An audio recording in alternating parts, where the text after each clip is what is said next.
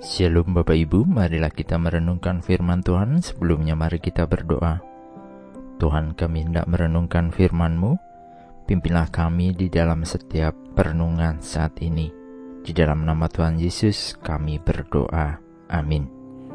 Bacaan saat ini diambil dari Yohanes 16 ayat 24b, Yohanes 16 ayat 24b. Mintalah maka kamu akan menerima supaya penuhlah sukacitamu. Ketika kita memberi atau membuat janji, maka kewajiban kita adalah mewujudkan janji tersebut.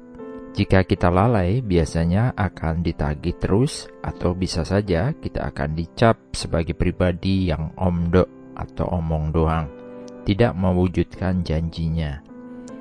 Karena janji adalah ucapan yang menyatakan kesediaan dan kesanggupan untuk berbuat, seperti hendak memberi, menolong, datang, bertemu, dan sebagainya. Di dalam bacaan Yohanes 16 ayat 24b ini, ini adalah pernyataan Kristus seperti halnya juga pernyataan di beberapa Injil yang lain. Di dalam Matius 7 ayat 7 dikatakan, Mintalah maka akan diberikan kepadamu Carilah, maka kamu akan mendapat. Ketoklah, maka pintu akan dibukakan bagimu. Janji Tuhan bagi kita, umat yang percaya kepadanya, adalah janji yang akan dikenapinya.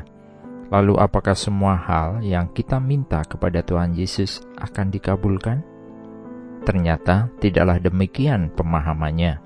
Jika kita memperhatikan di Injil Matius 7 ayat 11, di sana menjawab apa yang Tuhan kabulkan dari permintaan-permintaan kita. Jadi jika kamu yang jahat tahu memberi pemberian yang baik kepada anak-anakmu, apalagi Bapamu yang di sorga, ia akan memberikan yang baik kepada mereka yang meminta kepadanya.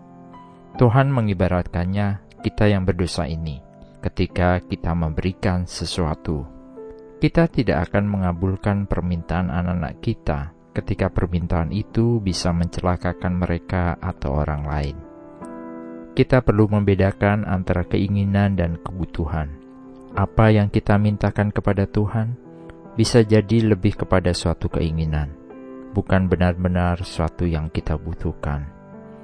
Tuhan menilai hati kita, dan Tuhan tahu apa yang baik untuk kita Tuhan tidaklah mengabulkan pada doa yang terlalu egois dan bodoh, tidak peduli seberapa besar kita menginginkan apa yang kita minta.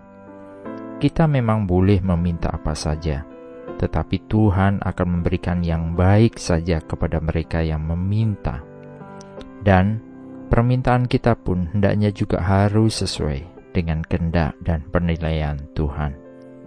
Ketika Tuhan hanya memberikan yang baik, maka kita pun perlu juga memahami apa itu yang baik, sehingga ketika kita berdoa dan memohon kepada Tuhan, kita tahu apa yang kita mintakan kepada Tuhan.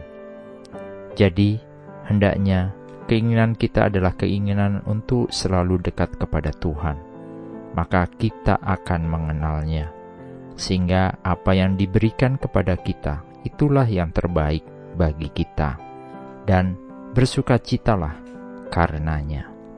Amin. Mari kita berdoa. Bapa Surgawi, sungguh kami bersyukur untuk semua janji-janji Tuhan, dan yang terbaiklah yang sudah Tuhan sediakan bagi kami. Ajari kami terus untuk meminta seturut kehendak Tuhan, dan jadikan kami juga pribadi yang bersuka cita karena janji keselamatan Tuhan boleh ada di dalam kehidupan kami. Di dalam Tuhan Yesus kami berdoa dan memohon. Amin. Tuhan Yesus memberkati. Shalom.